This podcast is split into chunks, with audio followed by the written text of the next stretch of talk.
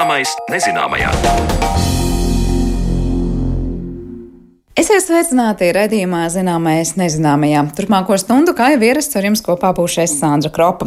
Šodien redzījumā runāsim par dažādiem IT risinājumiem, kam vajadzētu atvieglot mūsu sadzīvi. Redzījuma otrajā daļā saruna studijā par to, kā ar datoru simulāciju palīdzību noteikt potenciāli telpā izplatīties kā Covid-19, tā citiem vīrusiem. Savukārt pirms tam stāsts par to, kā Latvijas zinātnieki iesaistās viedo māju konceptu attīstīšanā. Nu, jau aizvien biežāk saskaramies ar tādu vārdu salikumu kā viedie risinājumi. Gan pētnieku, gan sadzīves pakalpojumu vidē tiek runāts par viediem ceļiem, kā arī par viedām mājām. Šādas viedās, jeb gudrās mājas jau šobrīd izmanto patērētāji. Kāpēc un ko viedās mājas varētu piedāvāt nākotnē, par to kolēģis Marions Baltkalns veidotajā ierakstā. Viedās jeb gudrās mājas Latvijā pazīst jau aptuveni 10 līdz 15 gadus, bet līdz ar tehnoloģiju attīstību vairāk sāk runāt gan par šādu jēdzienu, gan viedo māju sniegtajām iespējām. Te gan jāsaka, ka viedās mājas nav gluži tas pats, kas robots mājas uzkopšanai vai arī automātiski iestatīta veļas mašīna. Viedo māju gadījumā drīzāk saprota veselu sistēmu mājas vai dzīvokļa aprīkojuma vadībai un un ar to plašāk iepazīstina Rīgas Tehniskās Universitātes elektronikas un telekomunikāciju fakultātes dekāns profesors Jurģis Poriņš. Viedās mājas ir ar sensoriem un dažādām viedierīcēm aprīkotas dzīvojamās platības, kuras spēj ne tikai uztvert informāciju, apstrādāt informāciju, bet arī sniegt atgrieznisko saiti un bieži vien arī pieņemt lēmumus cilvēku vietā. Nu, kādēļ tas būtu nepieciešams? Nu, pats svarīgākais jau noteikti ir uh, komforts. Tātad cilvēki, uh, izmantojot šīs tehnoloģijas, var iegūt uh, vairāk laika sev un mazāk domāt par, piemēram, par radiatoru regulēšanu mehāniskā režīmā vai arī, teiksim, kaut kāds līdzīgs process, kas prasa laiku.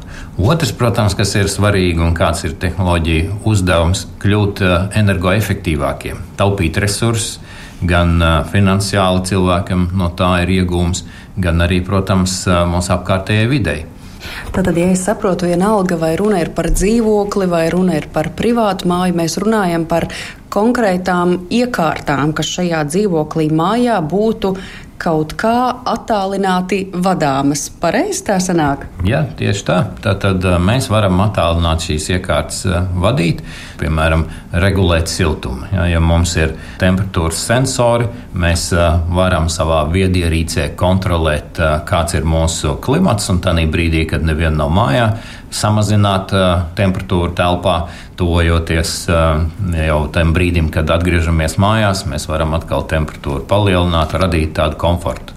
Tas pats ir ar mitrumu. Mēs skatīties, kā mēs regulējam mitrumu telpā, kontrolēt gaisa plūsmu, CO2 līmeni telpā.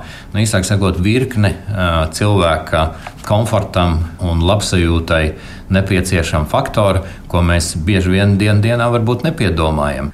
Cik daudz un dažādu tad sanāk to iekārtu, ko mēs varam attālināti vadīt? Nu, te jau es uh, uzķēru radiators, jā, ventilators, bet es saprotu, tādu noteikti ir ļoti daudz. Nu, tāda ir ļoti daudz. Nu, pieņemsim, ir žalūzijas, ja, ka mēs varam uh, izmantot energoefektīvi uh, savu telpu, saules gaismu maksimāli lai iegūtu komfortablu sajūtu telpā. Nu, tad, kad teiksim, ir vasaras saules pusē, mēs varam aizvērt žalūzijas, varam atvērt. Tad, kad uh, saule nav tik intensīva, īsāk sakot, ierīces, kuras pakļaujas kaut kādā mērā regulēšanai, ir pilnvērtīgi izmantojams. Nu, Tāpat drošība, ja, piekļuve un viss pārējais līdz teiksim, tādām ierīcēm, kā ikdienā, ko mēs lietojam, kaut vai leduskapis, kurš informē par to, kas mums šobrīd pietrūkst, kādu produktu, kas mums būtu jānopērk. Viedās durvju slēdzenes, viedie durvju zvani. Esmu arī par tādu vārdu salikumu lasījusi. Patiešām tā darbojas. Jā, tā darbojas. Un tas interesantais uh, secinājums ir, ka uz šī gada beigām, ņemot vērā tik daudz to iespējamo viedierīču, kāda būs saslēgta vienā tīklā, to skaits jau tuvosies 50 miljardiem visā pasaulē. Ja, tas ir viens no veidiem, kā mēs varam nu, ne tik daudz neieguldot savu laiku un enerģiju un nedomājot par to ikdienā, ļaut ierīcēm pieņemt lēmumus. Protams, vadoties no tā, ko tas konkrētais lietotājs ir iestatījis, kādus parametrus. Nu, ja mums patīk komforta temperatūra, pieņemsim 22 grādi, Tad, eh, protams, iestādot šādu temperatūru, tālāk viedierīce pati pieņem lēmumus, ko mums darīt. Vai nu ieslēgt eh, rekuperācijas sistēmu, paventilēt, varbūt tieši otrādi, darbināt aktīvāk eh, radiatorus, lai gaiss kļūst sausāks. Nu, teiksim, īsāk sakot, mēģināt atrast tādu komforta temperatūru, kādu nu, tas konkrētais lietotājs ir iestatījis. Nu, vēl tas interesantais, ja teiksim, mums ir privāta māja, Mēs varam katrā telpā savādāk šo klimatu regulēt. Ja, tas nozīmē, to, ka tās telpas, ko izmantojam mazāk, mēs atstājam nedaudz teiksim, ar zemāku temperatūru, varbūt tur tik daudz nefokusēties tās, ko izmantojam biežāk. Mēs varam regulēt uh, savā komforta temperatūrā. Nu, tas viss rezultējās, protams, energoefektivitātē un rezultējās arī nu, ieguvumos, tīri finansiālos. Tad eh, kā visa šo iekārtu vadīšana notiek? Tas ir ar interneta starpniecību, ar telefonu aplikāciju palīdzību, un pie reizes arī jautājums, ja iekārtu ir tik daudz, ja, tad telefonā cilvēkam ir jābūt ļoti daudzām aplikācijām. Šis veļas mašīnai, šis radiatoram, vai tas viss tomēr notiek caur vienu aplikāciju? Nu, katrs ražotājs jau tomēr cenšas izstrādāt savu lietotni. Tādēļ mums bieži vien tālruni ir ļoti daudz lietotņu. Līdzīgi kā tas kādreiz ir atlaižu kartes, ja ir ļoti daudz makā. Nu, tā arī šī gadījumā ja katrs ražotājs tomēr cenšas noturēt to līniju, lai būtu un visu laiku arī uzlabot to pakalpojumus tieši viņa interesēs. Bet tā ir centralizēta vadība. Tātad mēs lielāko daļu parametrus varam iestatīt centralizēt un arī vadīt centralizēt no vienas lietotnes. Nu, piemēram, mums ir centrālais bloks, un mēs vadām nu, radiatorus, mēs vadām uh, dažādas mitrinātājas, no atsevišķa telpu klimatu uzturēšanai vai tās pašas žalūzijas, to mēs visu varam centralizēti uh, vadīt ar kontrolieru palīdzību, un tad uh, līdz ar to arī ar to lietotni uh, operēt. Uh, kā centrālajai vadībai. Mums nav nepieciešams teiksim, vēl jauna lietotne, lai vadītu, piemēram, atsevišķu temperatūras sensoru vai vadītu atsevišķu mitruma sensoru. Nu, tās ir tāds integrēts risinājums. Nu, protams, kā pamata mugurkauls jau ir šī interneta saziņa, tātad mēs izmantojam internetu pakalpojumus, bet mēs plaši izmantojam bezvadu tehnoloģijas, tad mēs arī lietojam, izmantojam tos pašus mobilos tālruņus vadībai un varam to centrālo bloku arī vadīt attālināti. Tādas kā smadzenes, kas kontrolē visas pārējās viedierīces, un tad, principā, cilvēkam ir nepieciešama tikai viena aplikācija, lai kontrolētu smadzenes, kuras tālāk dod impulsus citām viedierīcēm. Jā, tieši tā. tā, tā tieši tā. Jā, tā to var raksturot, un tas arī atvieglo uzdevumu jo grūti būtu tomēr lietotājam orientēties visā tajā plašajā klāstā. Un, ja viņam tagad katrs teiksim, šis te mezgls būtu jāvada atsevišķi un jākonfigurē, nu, bieži vien bez speciālista palīdzības būtu grūti iztikt. Tad, acīm redzot, tā interese būtu daudz mazāka no lietotājiem. Jūs jau iezīmējat šos plusus, um, ērtums, um, enerģijas taupīšanu. Saprotu, ka runa ir arī par drošību, ka tas, piemēram, arī mājoklim var kaut kādā veidā sniegt aizsardzību. Tā ir. Jā, tāda integrēta risinājuma, protams, sniedz arī papildus drošību. Tiem, kuriem ir optiskais pieslēgums, varētu izmantot uh, uz uh, nu, tām vietām, kur teiksim, ir lielākais apdraudējums, šīs optiskās šķiedras uh, sensorus, lai jau saulaicīgi teiksim, justu kaut kādas vibrācijas vai kaut kādas tādas iespējamos apdraudējumus. Ne tad, kad jau ir par vēlu, kad jau viss ir noticis. Tik tālu par šiem plusiem, viedajiem risinājumiem, vai jūs redzat arī kaut kādus riskus? Nu, riski vienmēr uh, pastāv, jo tehnoloģijas ir tehnoloģijas. Dažreiz gadās arī dažādi konflikti un kļūdas. Tā kā nevar izslēgt šādu riska iespējamību, bet nu, tādēļ jau tiek veikti dažādi drošības testi, lai novērstu maksimāli šādas iespējas. Bet, nu, protams, risks ir saskatāms tieši tajos drošības jautājumos, ka lietojot šādas tehnoloģijas bieži vien cilvēki var būt tās pašas paroles vienkāršo un līdz ar to paši sev apdraud. Un tas ir tas aspekts, ko šāda tehnoloģija gadījumā ir nopietni par to jāpievērš tam uzmanība. Pirmīt minējāt šo centrālo vadību, ja, kas kontrolē tālākās iekārtas. Nu, ja centrālajā vadībā smadzenēs kaut kas uzkarsta, vai ne, nu, tad arī citas iekārtas tas var ietekmēt. Nu, jā, tieši tā, tā tas ir. Ja centrālais vadības bloks šādu vai tādu iemeslu dēļ iziet no ierīnas, tad mūsu tehnoloģijas diemžēl nevar pilnvērtīgi vairs funkcionēt. Nu, tas līdzīgi kā mēs esam redzējuši dažādās uh, fantastiskas filmās par robotiem, kuriem pārkars smadzenes. Ja, tā, tā arī šeit droši vien tāda pat analoģija. Tā tas ir. Tā sistēma paliek arī vieglāk ievainojama caur šādu centralizētu vadību. Bet, nu, jāsaka, tā, ka ražotāji jau pie tā strādā un domā, lai šīs sistēmas būtu drošas. Svarīgi ir arī nodrošināt kādu autonomo barošanu. Ja nu, teiksim, mums pazūd elektroenerģijas padeva mājās, kā tas gadās kādreiz, nu, tad vienkārši ir alternatīva, ka šīs viedierīces spēj darboties arī nedaudz autonomā režīmā. Jo droši vien, ka ir manīti tādi video klipi, ka cilvēks pats vairs netiek savā mājā, jo, teiksim, ir ar balss vadību, ir kaut kas noticis ar balss saitēm, jau balss vadība vairs neakceptē, teiksim, viņu kā lietotāju. Tas ir vispār bīstami. Nu, tas, jā, tas kļūst bīstami, jā, tā kā, um, nu, vienmēr tas līdzsvars, kad ir jābūt kaut kādam plānam B, piemēram, kādā veidā šāda sistēma nu, ir balss vadības sistēma un ir kaut kas noticis ar balsi, balsi vairs neatpazīst kā teiksim, šo sistēmu tomēr droši darbināt tālāk, jā, lai nebūtu tā, ka jāpaliek pašam aiz durvīm. Latvijā šobrīd visbiežāk tiek izmantoti temperatūras un mitruma regulācijas risinājumi, kā arī drošības sistēmas.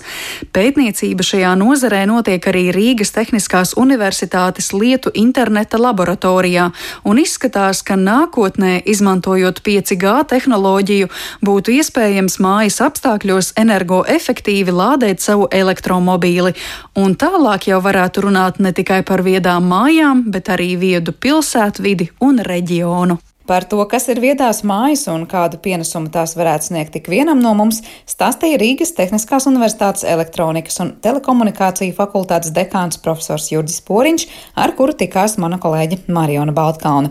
Bet no viedām mājām uz viedām telpām. Kas tad ir viedās telpas un kā tās palīdz Covid-19 pandēmijas apstākļos par to visu raidījumu turpinājumā?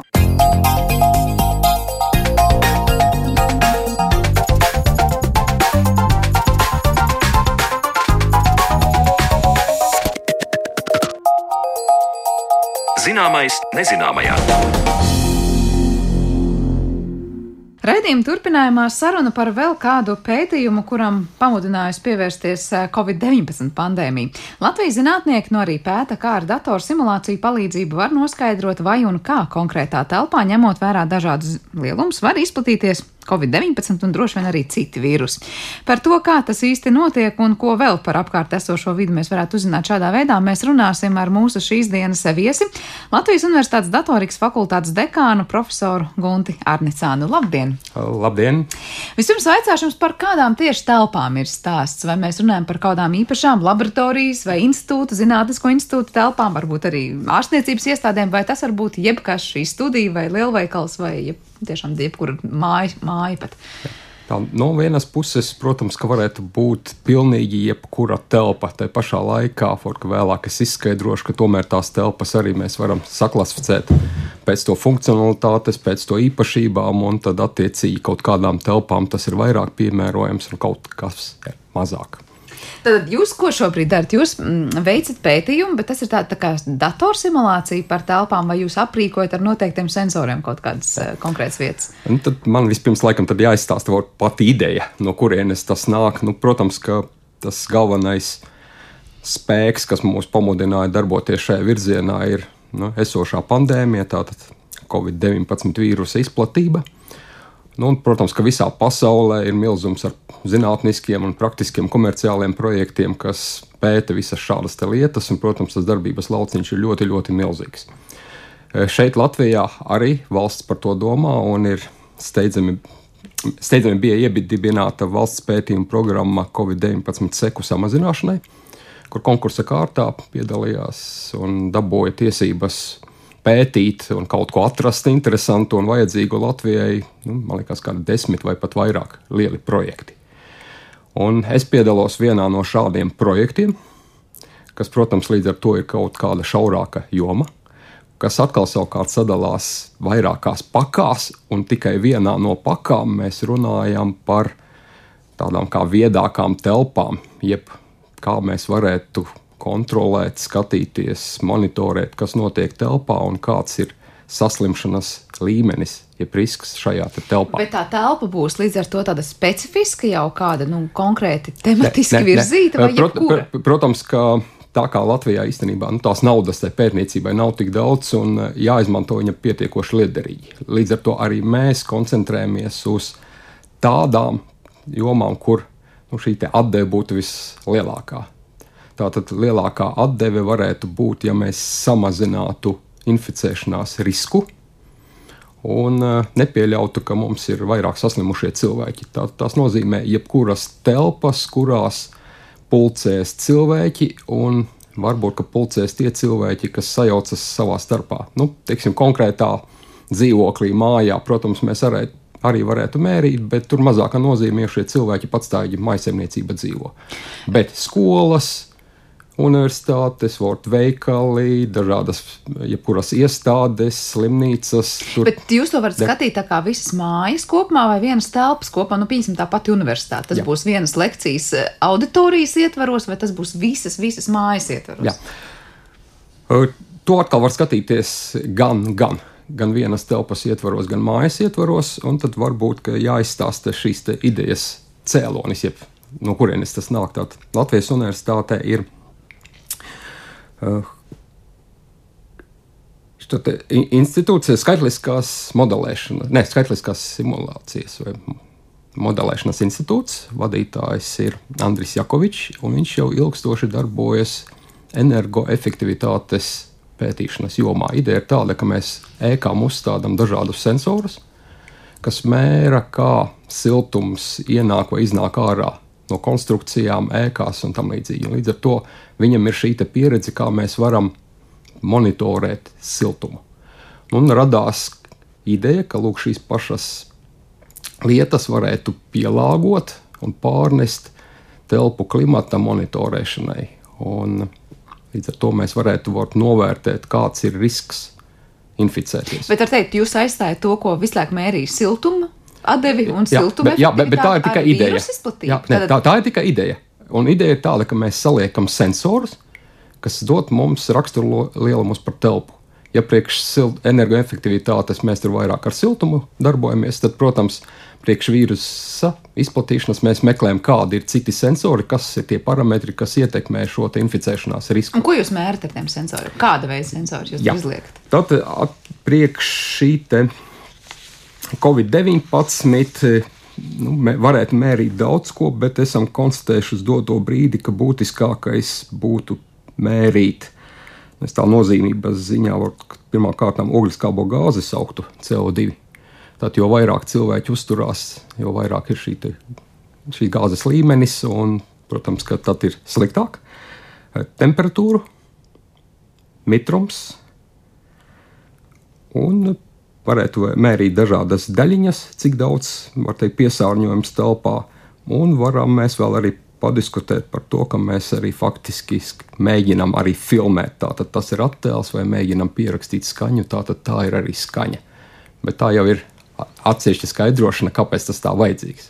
Nu, labi, mums tas nāk prātā, ja mēs runājam par covid, tad arī runā, jo, jo, vairāk dzied, jo skaļāk runā, jo dažādi arī jau, jau, jau ikoniski un, un tādi komiski piemēri ir izskanējuši par to, kuras skaņas vairāk izplata nu, spļāviens, ja tā vienkāršā valodā mēs sakam gaisā.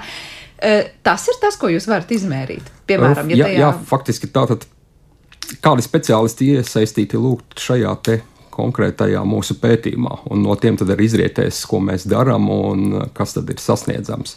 Pirmkārt, jau ir šī pieredze par energoefektivitāti, tāda sensoru izvietošana. Mums ir labs speciālists, profesors Leos Eļova Latvijas Universitātē, kas nodarbojas ar dažādām iegultām sistēmām, lietu internetu un tam līdzīgām lietām. Tie atkal ir sensori, tie ir tīkli, tā ir datu apmaiņa un tam līdzīgas lietas. Uh, Tālāk mums Latvijas Universitātē ir ļoti, ļoti labs speciālists fizikas modelēšanas jomā, Jānis Virbulis, kurš ir ļoti pieprasīts ārzemju arī projektos, gan magnētiskuma modelēšanā un simulācijā, gan elektrībā, vielu blīvumi un izturības un tam līdzīgi. Un tad viņš ķērās pie tā, ka mēģināja tīri fizikāli modelēt telpā, kā izplatās daļiņas un kā varētu izplatīties vīruss. Un tātad, ņemot jau zinātniskas publikācijas, kas jau ir zināmas, dažādi rakstura lielumi fizikāli ir zināmi, tad viņš ir izveidojis modeli un ir simulējis, kā tad izplatās šis vīrus. Nu, viņš tad, ir uh, ieraudzījis kaut kādu atšķirīgu ceļu, kaut ko, ko mēs nezinājām. Vai? Jā, es varētu pakomentēt aptuveni, kādi ir šie pirmie mērījumi kas kaut kādā ziņā šur, nu, saskan, protams, ar pasaulē jau tāpat zināmo, bet eh, šur tur varbūt arī pārsteidzošākie rezultāti ir. Nu, tātad, ja mums telpā ir infekcijas avots, nu, pieņemsim, kāds slims cilvēks, viņš šo infekciju izplata no ar elpošanas orgāniem. Sauksim ja tas tā. tā ir jā, vispār zinām. Jā. Jā. Nu, tā tad to mēs modelējam.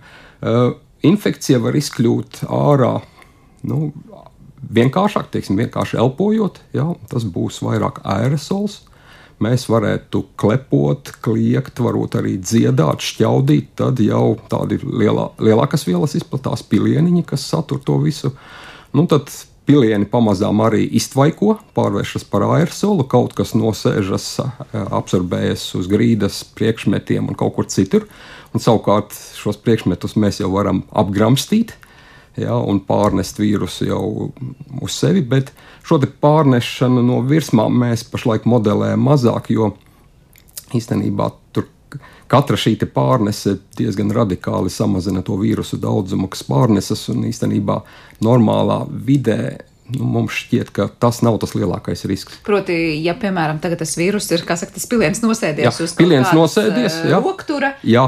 tad uz nākamā roktura jā, jā, atkarībā no tā, kāds ir materiāls. Pēc tam es paņemu ar roku, vai tā roka ir atkal mana āda vai cimds. Atkal daļa tikai pārnesas vīrusu.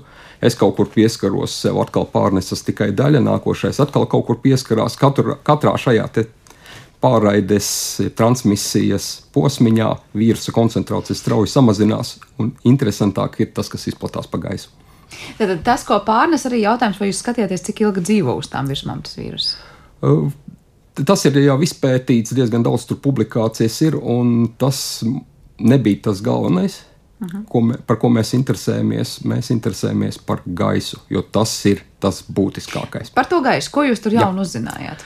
Uh, jauns tātad pasimulējot, tika konstatētas sekojošas lietas, ka, un, un pārsteidzošas. Ja vienkārši cilvēks sēž un elpo, tad viņš izplata vīrusu nu, relatīvi ļoti maz. Es paskaidrošu, ko nozīmē tagad relatīvi. E, atkal skatoties, kurā etapā mēs kaut ko mēram, bet tas nemaina lietas būtību. Runa ir par kārtām. Ja lūk, es tagad runāju nu, tādā nu, normālā balsī, attiecībā pret klusēšanu, nu, 11 reizes pieaug lūk, šī vīrusu izplatība, ja es, piemēram, izplatītu vīrusu. Tālāk, ja kāds cilvēks jau klepo, tad tas attiecībā pret runāšanu jau ir 11 reizes. Un, ja kāds nošķaudās, tad tas jau ir 11 reizes attiecībā pret noklepošanos. Un starpība starp to, ka cilvēks vienkārši sēž un klusē, teiksim, skolnieks vai students auditorijā, un kāds nošķaudās, tad tur varētu mērīt un teikt, ka ir starpība vai miljons vai simts tūkstoši reižu, un tā ir milzīga starpība. Jautājums tajā dzīves situācijā, nu, piemēram, mēs taču nevaram paredzēt, ka tajā auditorijā neviens nenošķaudīsies. Ja. Tad jautājums, ja mums ir jāprīko pati tā auditorija, vai jāveic kaut kāda, nu, tad tie mēri jāpieņem, kā visi sēž maskās vai bez maskām. Mm. Uh, mēs tā kā zinām, ka ja kāds nošķaudīsies, tas pieaugs tur 11 reizes. Bet vai mēs varam prognozēt, vai un kad kāds šķaudīs? Jo, ja cilvēks ir slims, nu kaut kad viņš nokliposies un kaut kad viņš nošķaudīsies. Nu, šķaudīšanu mēs nevaram paredzēt, protams, bet simulācijās tiek iekļauta šī šķaudīšana un vienkārši mēs mēram, kāds būs stāvoklis. Nu, ideja ir tāda, ka mēs ņemam telpas parametrus, jau nosauktie teiksim, temperatūra, mitrums. Es saprotu, kāpēc temperatūra mitrums ir vajadzīgs ir atkal simulējot, konstatēts, ka augstākā temperatūrā un lielākā mitrumā vīruss izplatās sliktāk. Tātad, sēžot pirtī uz lāvas, mitrā pirtī, inficēšanās jau ir daudz vārgāka nekā ziemā neapkurinātās telpās ar sausu gaisu. Ja? Tātad mēs veicam lūk, šīs simulācijas, tad mums šis vispārīgais modelis ir. Un balstoties uz šiem datiem, fiziķi tātad izveido vīrusa riska līmeni. Un šis riska līmenis tātad ir atkarīgs gan no tādiem faktoriem, ko mēs pārāk neietekmējam, vai daļai ietekmējam temperatūra, mitrums, tālāk jau būtiskāk ietekmējam cilvēki, tas ir CO2. Jā, CO2, nu, tas cilvēki uzreiz arī mitrumu paceļ, bet būtiskākais ir tas, ka mēs mēģinām sareiķināt, ka, ja lūk, starp tiem cilvēkiem ir kāds inficētais, tad pie šādiem parametriem konkrētā telpā pašreiz tas riska līmenis balstoties uz citiem pētījumiem, inficēties tur teiksim, ir 1%, 2%, 10% vai 50% kaut kas tamlīdzīgs. Un ideja tāda mums ir sekojuša, sekojam līdzi telpas izmaiņām, izmantojot sensoru mērījumus. Tas ir cik cilvēku ienāk, iziet no telpas? Arī, arī. Ja, mēs varam līdz ar to nu, veikt šo prognozi, cik riskanti ir atrasties šajā te telpā un attiecīgi brīdināt cilvēkus vai nu vizuāli, kāds displejs varētu būt lampiņa, skaņa vai vietā runī. Tāda lietojuma programma, nu, dažādi varētu būt. It kā viss ļoti skaisti, es tikai nesaprotu to brīdi. Nu, piemēram, labi, ja jūs tagad tādu sistēmu aprīkojat, nu, lielveikalā ņemsim tā, vai kaut kādā, kur ir daudz cilvēku. Nav tā, ka reāli dzīvē jau ikvienā brīdī, ja tur būs liels cilvēku skaits, tas rezultāts būs vienāds, tas risks būs pietiekoši augsts. Lielveikals noteikti nav tā labākā vieta, kur šo visu pielietot. No vienas puses, protams, var mērīt cik daudz tur cilvēki, kāds tur blīvums un mainās, bet tur visu laiku tie cilvēki mainās. Bet fiziski būtu nu. iespējams tā, jo tagad tas ir lielveikals, un tagad jā. tajā stundā tur tas cilvēku skaits ir salīdzinoši mazs, un tagad lielveikalā degtu lampiņa šobrīd zaļa, piemēram. Jā. Tātad mēs visi varam justies droši. Tagad pēc pusstundas tur ir kaut kāds pīķis ar cilvēkiem, kas pienāk un iedegā sarkanā lampiņa. Mēs zinām, ka šobrīd esam lielveikalā ar augstu risku. Eh, tas nozīmē, ka tālāk sekot kaut kādu ieteikumu, nu, tad, piemēram, šobrīd lielveikalā, es nezinu, ir iespējams uzturēties tikai ar maskām un tiešām divu metru distanci, vai šobrīd lielveikalā var iet bez maskām un bez distances. Nu, pārpusprāzē. Par, par, par liel, lielveikalu grūti pašlaik pateikt. Pirmkārt, nav veiktas simulācijas. Otrs ir, ka lielveikali varbūt arī nav tas sliktākais. Lielveikalos ir augstie griesti un ir samērā laba ventilācija. Tad faktiski šo pētījumu rezultātā konstatējam, milzīga loma ir ventilācija. Tā tas aizmirsu pieminēt, ņemam vērā telpas ventilāciju. Ja ventilācijas nav, samērā ātri paliek slikti, ja, jo labāka ventilācija, jo ilgstošāk var droši atrasties. Jums ir kaut kāds konkrēts skaits, cik ilgi būtu tās stundas, kurās var droši atrasties? Jo, nu, patiesībā pateikt, ka liela loma ventilācijai, nu, tas tā kā līdz šim ir zināms, bet Vai ir skaidrāks nu, norādes, piemēram, līdz pusstundai vai līdz trim stundām? Pa, pašlaik precīzi šādu datu vēl tā īsti nav. Ir konstatēts aptuveni, ka nu, pie 15 minūtēm tiešām paliek jau tā sliktāk. Nu, un pēc tam, nu, ja nekas kardināli nemainās, tad tas vīrusa līmenis pēc kādas stundas kaut kā nostabilizēs. Ja nekas nemainās, tad īstenībā tur tie procesi kaut kā nostabilizējas, un tas vīrusu uh, līmenis un riskas uh, līmenis paliek aptuveni tāds pats. Tā kā tas samazinās vai, vai ne, tieši pieaug? Nu, aptuveni kaut kas ir pieaudzis un pēc tam paliek, ja nekas kardināli nemainās, jo ventilācija visu laiku strādā. Ja, un, mm -hmm. Bet jums ir kaut kāds aplēses vai modelis parāda, nu, pie cik cilvēku skaita vēl ir droši uzturēties konkrētajā telpā?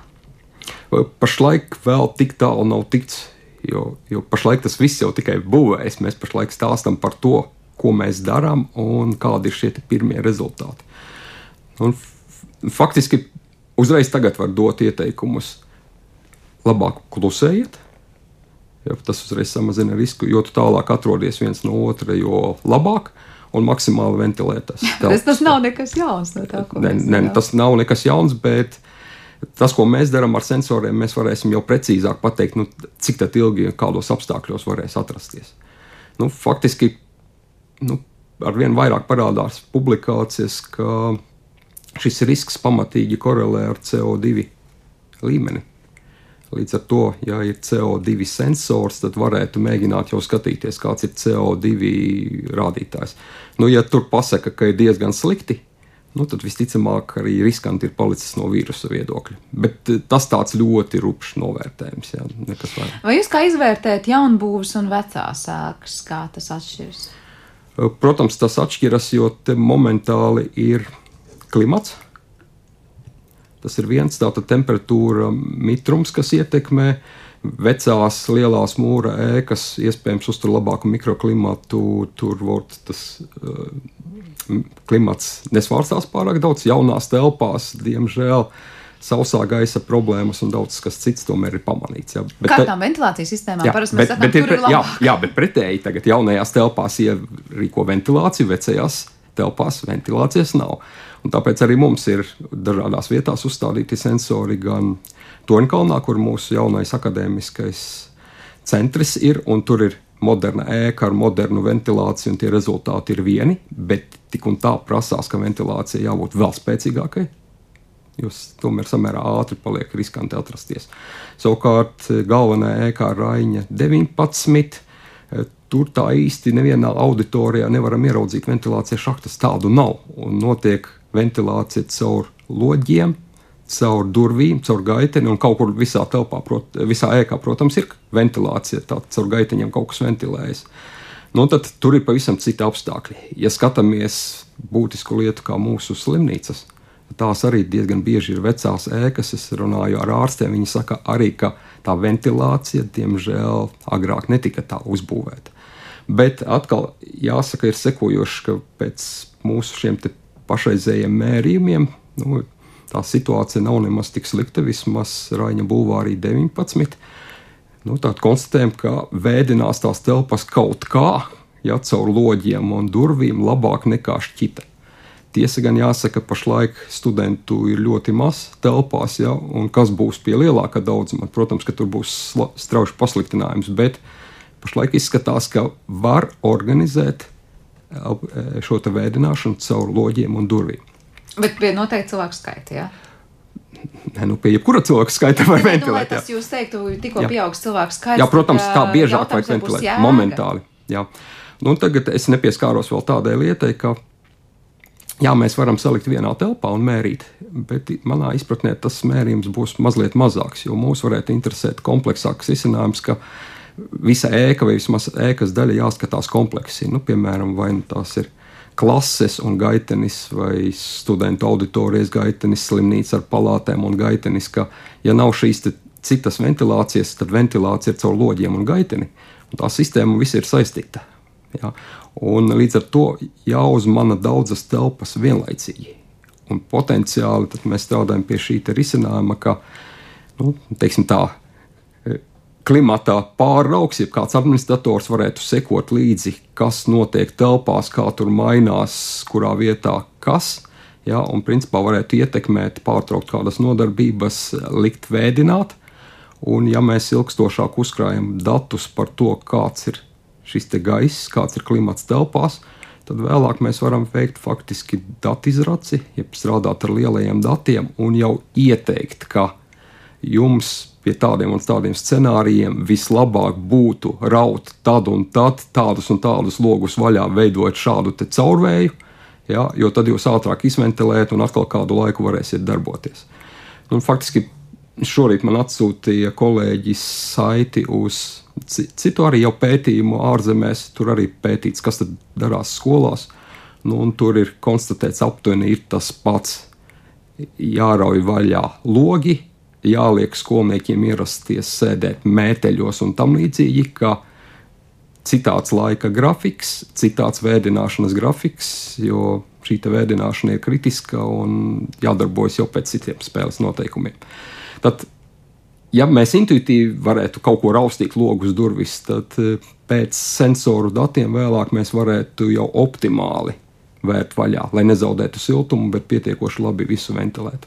Jūs pieminējat tos ārzemju kolēģus un publikācijas, tad citur to jau dara un ir jau kaut kāda risinājuma. Kāpēc mēs nevaram vienkārši pārņemt no ārzemēm zināmos faktus un scenārijus? Vai tad nu, elpojam citādāk, katrs savā valstī?